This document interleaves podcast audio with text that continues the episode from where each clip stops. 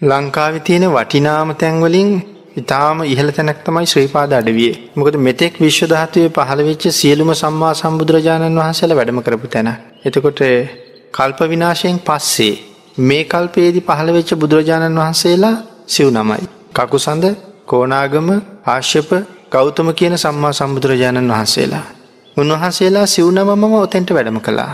ගෞතම බුදුරජාණන් වහන්සේගේ ශ්‍රීපාද පද්මය තමයි අද ඉස්මතු වෙලාම තියෙන අපි ගිහිල වන්දනා කරන්නේ. ඊට ගෞගානකට යටින් කාශ්‍යප භාග්‍යතුන් වහසේගේ ශ්‍රීපාද ලාංචනය ඔතන තියෙනවා.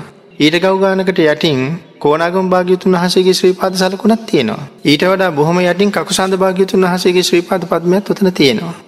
අනිත් එක තමයි ශ්‍රීපාදය කියලා කියන්නේ හරියට ලංකාවේ කේන්ද්‍රස්ථානය කියලා කිව්වොත් මං හිතනවා වැරදි නෑ කියලා. යම් කෙනෙක් මහා සමුද්‍රය හරහා ලංකාවට ළඟා වෙනවන. හතර පැත්තෙන් කොයි පැත්තට ආවත් මහමුදර ශ්‍රීපාදි පේනවා. ලංකාවෙත් බොහෝ ප්‍රදේශවලට ශ්‍රීපාදය පේනවා. උදේ පාන්දරට සැලකිල්ලෙන් බැලුවත් දකින්න පුළුවන්. ගම්පා ප්‍රදේශයහිතල බැලුවත් උදේ පාන්දරට ශ්‍රීපාදය පේනවා. ඉ ලංකාව වටේම කොහෙම් බැලුවත් ශ්‍රීපාදය බොහොම දුරවුණට ඇතින් පේනවා. රටටම දිස්වෙනවා කියලා කියන්නේ ඒක රටේ කේන්ද්‍රස්ථානය වගේ. ලංකාවේ මහාගංගා නෑ. එවනට ලංකාව ප්‍රධාන ගංගා හතරක් තියෙනවා. මහාවැලි කැලැනි කලු වලවී. මේ ගංගා හතරම ගලන්ඩ පටන්ගන්නේ සමන ලඩවී ඉඳලා. විශේෂ හාස්කං වලින් විශේෂ සිදුවීම් වලින් සාමාන්‍ය කෙනෙකුට හිතාගන්න බැරි දේවල් වලින් බොහෝ සත්තිස්ථානය.